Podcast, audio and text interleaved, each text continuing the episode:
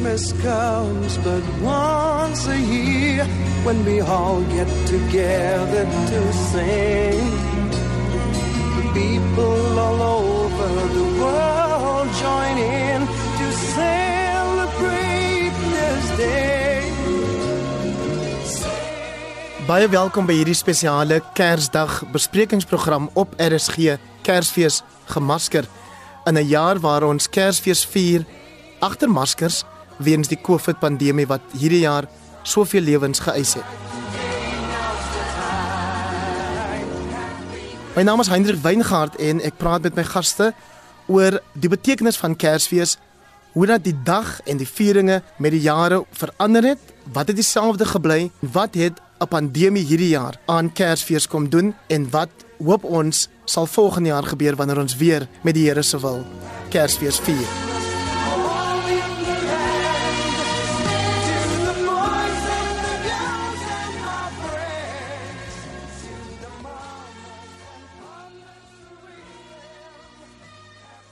My gaste dan Dr. Bram Hannekom, hy is die uitvoerende hoof van die Sentrum vir Publieke Getuienis. Saam met hom Dr. Ellen Busak wat julle almal sal ken, 'n bekende teoloog en dan ook die Namakwaland se media persoonlikheid moet ek sê, Lentjie Jaars en julle sou haar ook al 'n paar keer gehoor het die oggend en aand oordenking hier op RSG. Doen baie welkom aan al drie van julle. Dankie. Baie dankie Hendrik. Ek vra dan Bram dat jy begin deur vir ons te sê wanneer jy hoor Kersfees of wanneer jy dink aan Kersfees, watse beelde roep dit op? Watse klanke, watse geure? Jog, uh, Heinrich inderdaad 'n mengelmoes herinneringe, nostalgiese ervarings, kinderdae by ouma in die huis, die kersboom, die etes, die liggies. Eintlik 'n wêreld van verwondering vir 'n kind. Met die jare, jy weet ook as predikant veranderende gewaarwordinge, 'n intens nadink oor Kersfees, uh, oor wat Kersfees juis vir ons in 'n uh, komplekse tyd soos hierdie moet beteken inderdaad die vraag sien die volk wat in duisternis gewandel het Jesaja sien ons nog die lig is daar nog hoop ek sou baie lank kan besig wees oor die ek wil amper sê die um, fantasiewêreld van Kersfees van die kind tot by die realisme van Kersfees vier in 'n uh, in 'n COVID-19 tyd waar mense letterlik opnuut voel asof hulle in duisternis vasgevang is en smag na die lig. Lentjie, jou gedagtes oor Kersfees in die algemeen? Nou vat jy my dan terug. Ek dink onmiddellik aan kyk ons is mos 'n sing familie. So dit vat jou terug na na sang, dit vat my terug na stille nag. Dit vat my terug na die heiland is gebore kyk, mense mos nou maar groot geword as as kinders wat groot geword het in die kerk en daai tipe van goeie so, dis maar altyd daar want jy teruggevat word. En dan natuurlik ook die reuk van die Kersfeeskosse. Kyk, 'n Kersfeestafel wat gedek is. Wie jy smaak ek ry na daai gemmentjie nou en ek sien nou vir vir vir die tong en die pot en al daai goeders. maar so dis dis en en dan weet jy as dit hier by 4 uur geraak het, is dit nou twyfel tyd en daai dingetjies. Maar bovenbehalwe dit alles, sien 'n kind is ons sommer 'n kind en dan sien jy nou uit want jy weet nou al hier 3 maande voor dit nou Kersfees is, dan word hy lêby gemaak. Kyk en as jy 'n klein lêby nie, is 'n groot lêby. So teen die tyd wat jy nou by jou Kersklere uitkom, weet jy jy nou vir die hele familie gemodel wat jy Sondag gaan aantrek. So dis daai tipe van goed wat en dan die aand voor Kersfees, ons het al die kringspelletjies gespeel, maar as dit vakansie geraak het, daai het toe dus nog die straatligte gehad. En as dit nou vakansie geraak het, dan weet jy al wat jy sien in die pad is kinders wat kringspelletjies speel. Maak nie saak wat dit is nie. So dis dis dis 'n gevoel van vreugde wat onmiddellik in jou opkom. Ellen Aubrey Busak, jou gedagtes?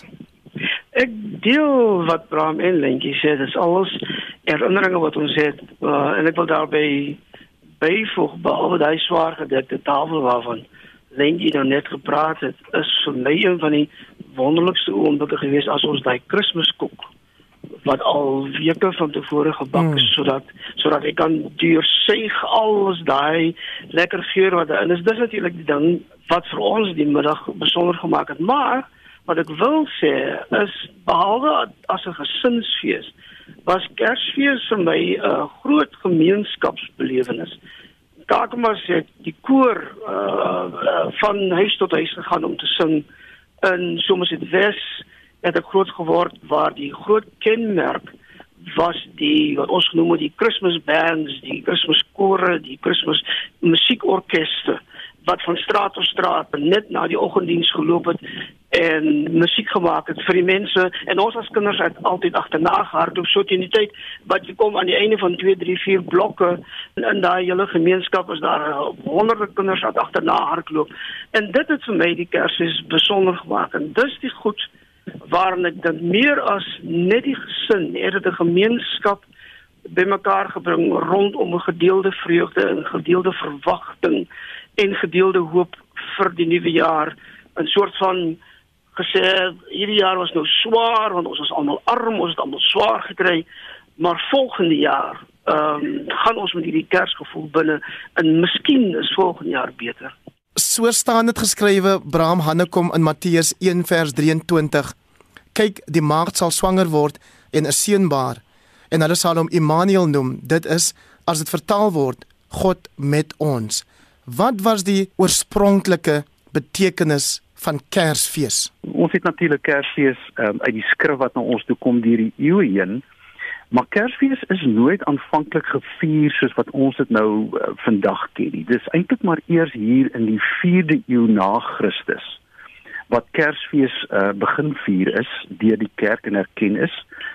Daar is een teorie wat sê dat Christus is gebore, dit is 'n 'n Christen reisiger en historikus met die naam van Sixtus Julius Africanus het hier in die 3de eeu gesê maar Christus in die konsepsie van van Christus in in Moeder Maria het op die 25ste Maart plaasgevind en nou kan jy 9 maande aantel en kom jy by die 25ste Desember uit. Nie baie ondersteuning vir die teorie nie. Wat wel waar is dat ons weet dat in die noordelike halfrond het ons die die langste nag en die kortste dag, die sonstel wintersonstilstand hier rondom 22 23 Desember en nou weet ons dat die mense in daai tyd ook 'n bietjie anders daaroor gedink het. So 25 Desember was 'n goeie dag om 'n groot partytjie te hou. Om te sê maar kom ons laat ons eet en drink want die somer is op pad. Maar dit was 'n redelike uh, rumoerige partytjie. Hier rondom die 4de eeu het uh, onder andere in Rome het al hoe meer kerklike begin uh, opstaan en sê maar die die hierdie ding kan gekersten word. En soos wat die son op pad is, is die lig op pad, die lig in Christus. En algaande het die 25ste toe beslag gekry as 'n Christenfees waar die verwagting en Ellen het mooi die woord verwagting net nou gebruik waar die verwagting begin leef het van die van die koms soos ons uitsien na die koms van die somer die son eh, dat ons ook uitsien na die koms van Christus die advent maar ook die tweede koms van Christus. Nou toe dit nou nog 'n lang geskiedenis uh, jy weet verloop uh, waar nie almal gelukkig was met hierdie uh, met hierdie fees nie ons sou nou verder kan gesels oor die verskillende kante van Kersfees uh byvoorbeeld die Puriteine in uh het uh, baie sterk gevoel dat die fees moenie gevier word nie. Dit heidense oorsprong. Daar was ander wat weer gesê het nee, dit dit dit moet uh, beslag kry as 'n Christenfees. En uh byvoorbeeld die die fees is eers in 1660 in in, in Brittanje tot 'n uh, tot 'n uh, uh, vakansiedag verklaar. Ehm um, en so het die maar so het die fees gestalte gekry algaande. Ons dink aan die skryf van Stille Nag. Ons dink aan die betekenis van Kersboom. Daar's 'n baie interessante storie rondom uh, uh, Santa Claus en waar Santa Claus vandaan kom. En so het dit gegroei in die Christelike tradisie. Ehm um, en dit het sy hoogte en sy laagtepunte gekry. Daar was op 'n stadium 'n massiewe sekularisering. My eie ervaring is dat mense vir Christene opreg soek na die nuwe dieper betekenis van Christus, maar daaroor sal ons kan in uh, verder gesels. Dis nou sommer so 'n voelvlug oor um, amper 2 eeue se geskiedenis. Ek weet nie of ek help daarmee. Ellen Busak, wat is die storie van Kersfees wat jy wanneer jy die woord bedien vertel of wat jy met teologie studente deel wanneer jy klas gee? OK, Bram het 'n mooi uh, voelvlug gegee van die geskiedenis en uh, mense moet natuurlik wel deeglik daarvan kennis neem dat dit nie net die oorname is van 'n uh, voorchristelike feesviering nie, maar dat dit ook die geboortedag 25 Desember aangekondig is deur 'n Romeinse keiser Konstantin. Met ander woorde, dis die man wat van die Christelike geloof 'n imperialistiese geloof gemaak het en wat die Christelike geloof heeltemal ingesuig het in die wêreldheerskappy van die Romeinse ryk wat 'n groot ellende vir ons veroorsaak het tot op die dag van vandag toe. En om die rede is daar baie baie vrae wat nou in die anti-imperialistiese teologiese kringe ontstaan oor hoekom vier ons 'n dag wat deur 'n Romeinse keiser aangekondig is om die om die wêreldheerskappy van die Romeine te verchristelik.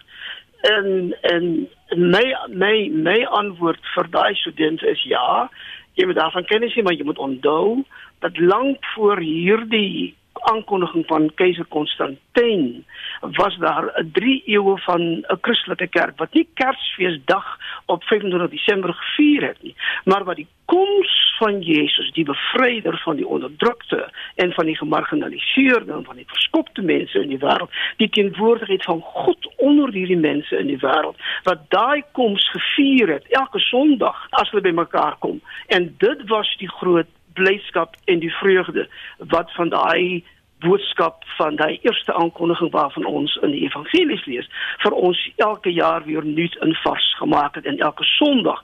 Dit en so vir my sê ek vir hulle onthou nie die gees van Konstantin en die Christelike dag wat van heidense oorsprong is nie, maar onthou die koms van die bevryder van die armes en die onderdrukte wat vandag nog vir ons die grootste betekenis het groter as die aankondiging van 'n bepaalde dag, maar ons gebruik daai dag om saam met die res van die wêreld Jesus se geboorte te vier. En hoe is daar vir jou gesê lintjie as 'n kind van uit daai gemeenskappe van verskopte mense? En die armes. Wat beteken Kersfees? Ek dink hoe ek groot geword het, jy weet, mamma was in is nog steeds 'n baie gelowige vrou en dis waar ek nou my eerste gewaarwording gehad het oor Kersfees en waar dit wat ek geleer was is dat dit gaan oor hierdie kind wat gebore is, maar dit het nie daar gestop nie, dit het aangegaan en die kernboodskap was vir my gewees is was 'n boodskap van hoop geweest Jy weet as mense op kyk in die woord en mense kyk na Kolossense 1:27 wat sê en ek wil dit graag in Engels quoteer as ek mag, Christ in us the hope of glory. So dis was iets gewees wat ek moes geleer het. So wat Kersfees vir my is en ek dink wat Kersfees vir enige gemeenskap is, dis 'n tyd van samesyn soos wat om Ellen gesê het, maar om weer terug te kom ook dit is 'n plek waar mense weer nuwe hoop kry want onthou dis wat Jesus gekom doen het en dis wat hy nog steeds is. Hy sal altyd ons hoop wees. Dit sal wees miskien dinge lyk miskien anders vandag, maar die feit van die saak is jy as ons glo en ek dink dis wat die engel ook vir Maria gesê het is dat niks is onmoontlik by die Here nie. Toe die engel met Maria gekom praat en vir haar gesê het maar jy sal seënbaar, maar die feit van die saak is die ek dink vir enige gemeenskap, maak nie saak hoe gebroken jy is nie. Daar's altyd iets wat sê daar is 'n Jesus en die hoop wat hy was toe hy gebore was en voor sy geboorte selfs aangekondig word en waar hy nou is, hy's nog steeds ons hoop. Bram so word daar gesê mettertyd het die mens hier op aarde toegelaat dat die kwaad van kommersialisering Kersdag begin verpersoonlik het. Ja, dit is uh dit dis 'n groot hartseer. Ehm um, ek ons sou nou die hele ons het nie tyd nie maar so in die hele storie van die geskenke kon ingaan en waar die geskenke en toe nou die verkoop en kommersialisering kon kon plaasvind, maar daar daar's 'n baie sterk terugdruk daarteen ook vanuit die kerk uh, Heinrich op die oomblik. Miskien net een insident, my kosbaarste ervaring van 'n uh, Kersfees was 'n besoek aan Bethlehem 'n klompie jare gelede. Nou Bethlehem lê in die Wes-oewer wat eintlik Palestynse gebied is. En ek was bevoorreg om saam met Palestynse Christene daar te wees en die die geboorteplek van Christus is ongelooflik gekommersialiseer. Soveel so dat ek wou eintlik nie daar wees nie. Maar as jy kom by 'n plek wat vandag bekend staan as the Fields of the Shepherds, waar die skaapwagters was, dan vat hulle jou na plekke en wys vir jou hoe die skaapwagters reg letterlik in die in in grotte, in gate in die grond gebly het saam met hulle skape.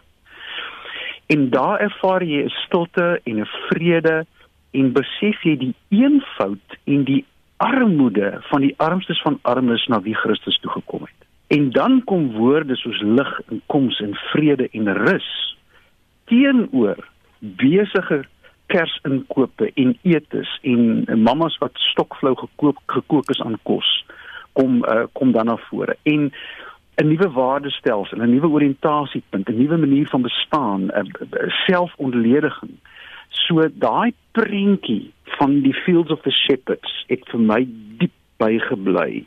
Dit is vir my 'n lewende herinnering aan die diep betekenis van wat Kersfees eintlik wil wees. Ek sou talle voorbeelde kon aandui oor hoe kerke en gemeentes sê maar ons is moeg vir die kommersialisering en ons wil terugkeer na die ware betekenis in Christus soos Lentjie en en Ellen ook baie mooi reeds gesê het. Tot watter mate Ellen sal die COVID pandemie hierdie jaar ons vieringe inperk? O, dit is geen twyfel aan nie, dit sal ons vieringe baie baie sterk beperk. Ek weet nie of dit die kommersiële kant so sal beperk nie want hulle sal dit nog steeds probeer uitbuit soveel as moontlik maar ons kan nie by mekaar kom as gemeentes nie ons kan selfs nie by mekaar kom as families veral groter families nie. Ons moet daaraan gewoond raak ons moet ander maniere vind. En en COVID is as ek dit my vinnig mag sê verteenwoordig hierdie jaar 'n skadu kant aan Kersfees al is dit die soort van skadu wat ons in ons leeftyd nog nooit ervaar het nie en en en maar ek dink daaraan Hendrik dat dat in die kersverhaal self het ons die ligkant en ons het die skadukant jy het Maria en Elisabeth wat mekaar ontmoet en albei is swanger met hierdie twee besondere kinders wat gebore gaan word. Maar altyd hy vir ons weet dat 'n swaar deur hulle hart sal gaan Johannes Joper word onthoof deur Herodes, Jesus word gekruisig. Die skaapwagters waarvan Bram nou net so pragtig vir ons vertel het in the fields of the shepherd, die hoor die goeie nuus van die engele, maar die skadukant daarvan is wat vir hulle goeie nuus is, 'n slegte nuus vir hulle onderdrukkers en vir hulle uitbuiters en die gaan terugslaan en hulle sal hy terugslaan voel. En en die wyse manne wat kom moet deur Herodes se paleis gaan, daai plek waar die moord op die kinders beplan word. So die die vreugde van die wyse manne is die ligkant, maar die skadukant is Herodes en sy planne om die kindjie dood te maak. En vir my is hierdie COVID is hierdie skadukant wat hang, maar die son die lig daarbo wat deur hierdie wolke van donkerheid sny is juis die teks wat ons gelees het uh, Matteus 1:23 wat vir ons sê ook hierdie Kersfees onder hierdie omstandighede met al ons angste en vrese en onsekerheid is die son bly daar want God is met ons Immanuel. En dit is die boodskap wat ek dink ons waarskynlik hierdie Kersfees hopelik die sterkste sal uitdra aan ons gemeentes en aan almal wat wil luister. Ten spyte daarvan lyntjie dat ons Kersdag hierdie jaar agter maskers as dit ware vier. Absoluut Hendrik ek wil net baie graag saamstem met wat Bram ook gesê het as gevolg van die kommersialisering as gevolg van al hierdie goeder en uh, ek het dit self ook in Israel gesien ek was in 2016 daar gewees en dit wat ons sien in ons winkels so sien mense in maskers en al hierdie dinge maar dan besef jy net weer eens soos dit wat jy geleer is van kleins af en dit wat jy nou ervaar dit gaan oor baie meer as dit dit gaan oor die Jesus kind. Dit gaan oor die hoop. Dit gaan oor die vreugde. Dit gaan oor maak nie saak of jy nou agter 'n masker sit. Ek dink ek kom self uit COVID uit. So ek het hom ook nou onlangs was ek ook hoe sê mens nou die virus gehad. So ek kom uit hom uit. Ek weet maar al wat ek kan besef is dit en wanneer 'n mens nou kyk, niemand wil werklik Kersfees vier soos wat ons hom geken het nie as gevolg van dit wat ons gesien het die jaar. Maar wat ek weer eens net kan kom sê is dat Jesus is nog steeds Jesus. So dit gaan nou hoe, maar hy is nog steeds dieselfde vandag, gister en hy sal vir altyd dieselfde wees. Ek wil vir elkeen van julle vra om te dink aan een woord wat Kersfees vir julle die beste beskryf. Bram? Uh, die woord wat opkom is ja, mag ek twee sê lig en rus ek ek ek wens vir al ons vir al ons luisteraars 'n tyd van rus voor. Stiller, kleiner, minder minder besig, maar rus in die teenwoordigheid van Immanuel, God met ons. Ellen? Immanuel. Lenkie? Hoop. Baie dankie aan julle drie wat deelgeneem het aan hierdie spesiale Kersdag besprekingsprogram Kersfees gemasker. Dr Ellen Boesak is 'n teoloog. Dr Bram Hannekom is die uitvoerende hoof van die Sentrum vir Publieke Getuienis en Lentjie Jaars is 'n Namakwaland se mediapersoonlikheid en storieverteller. Baie dankie ook vir Lewona Bekers vir die tegniese versorging van hierdie program. Alles van die beste.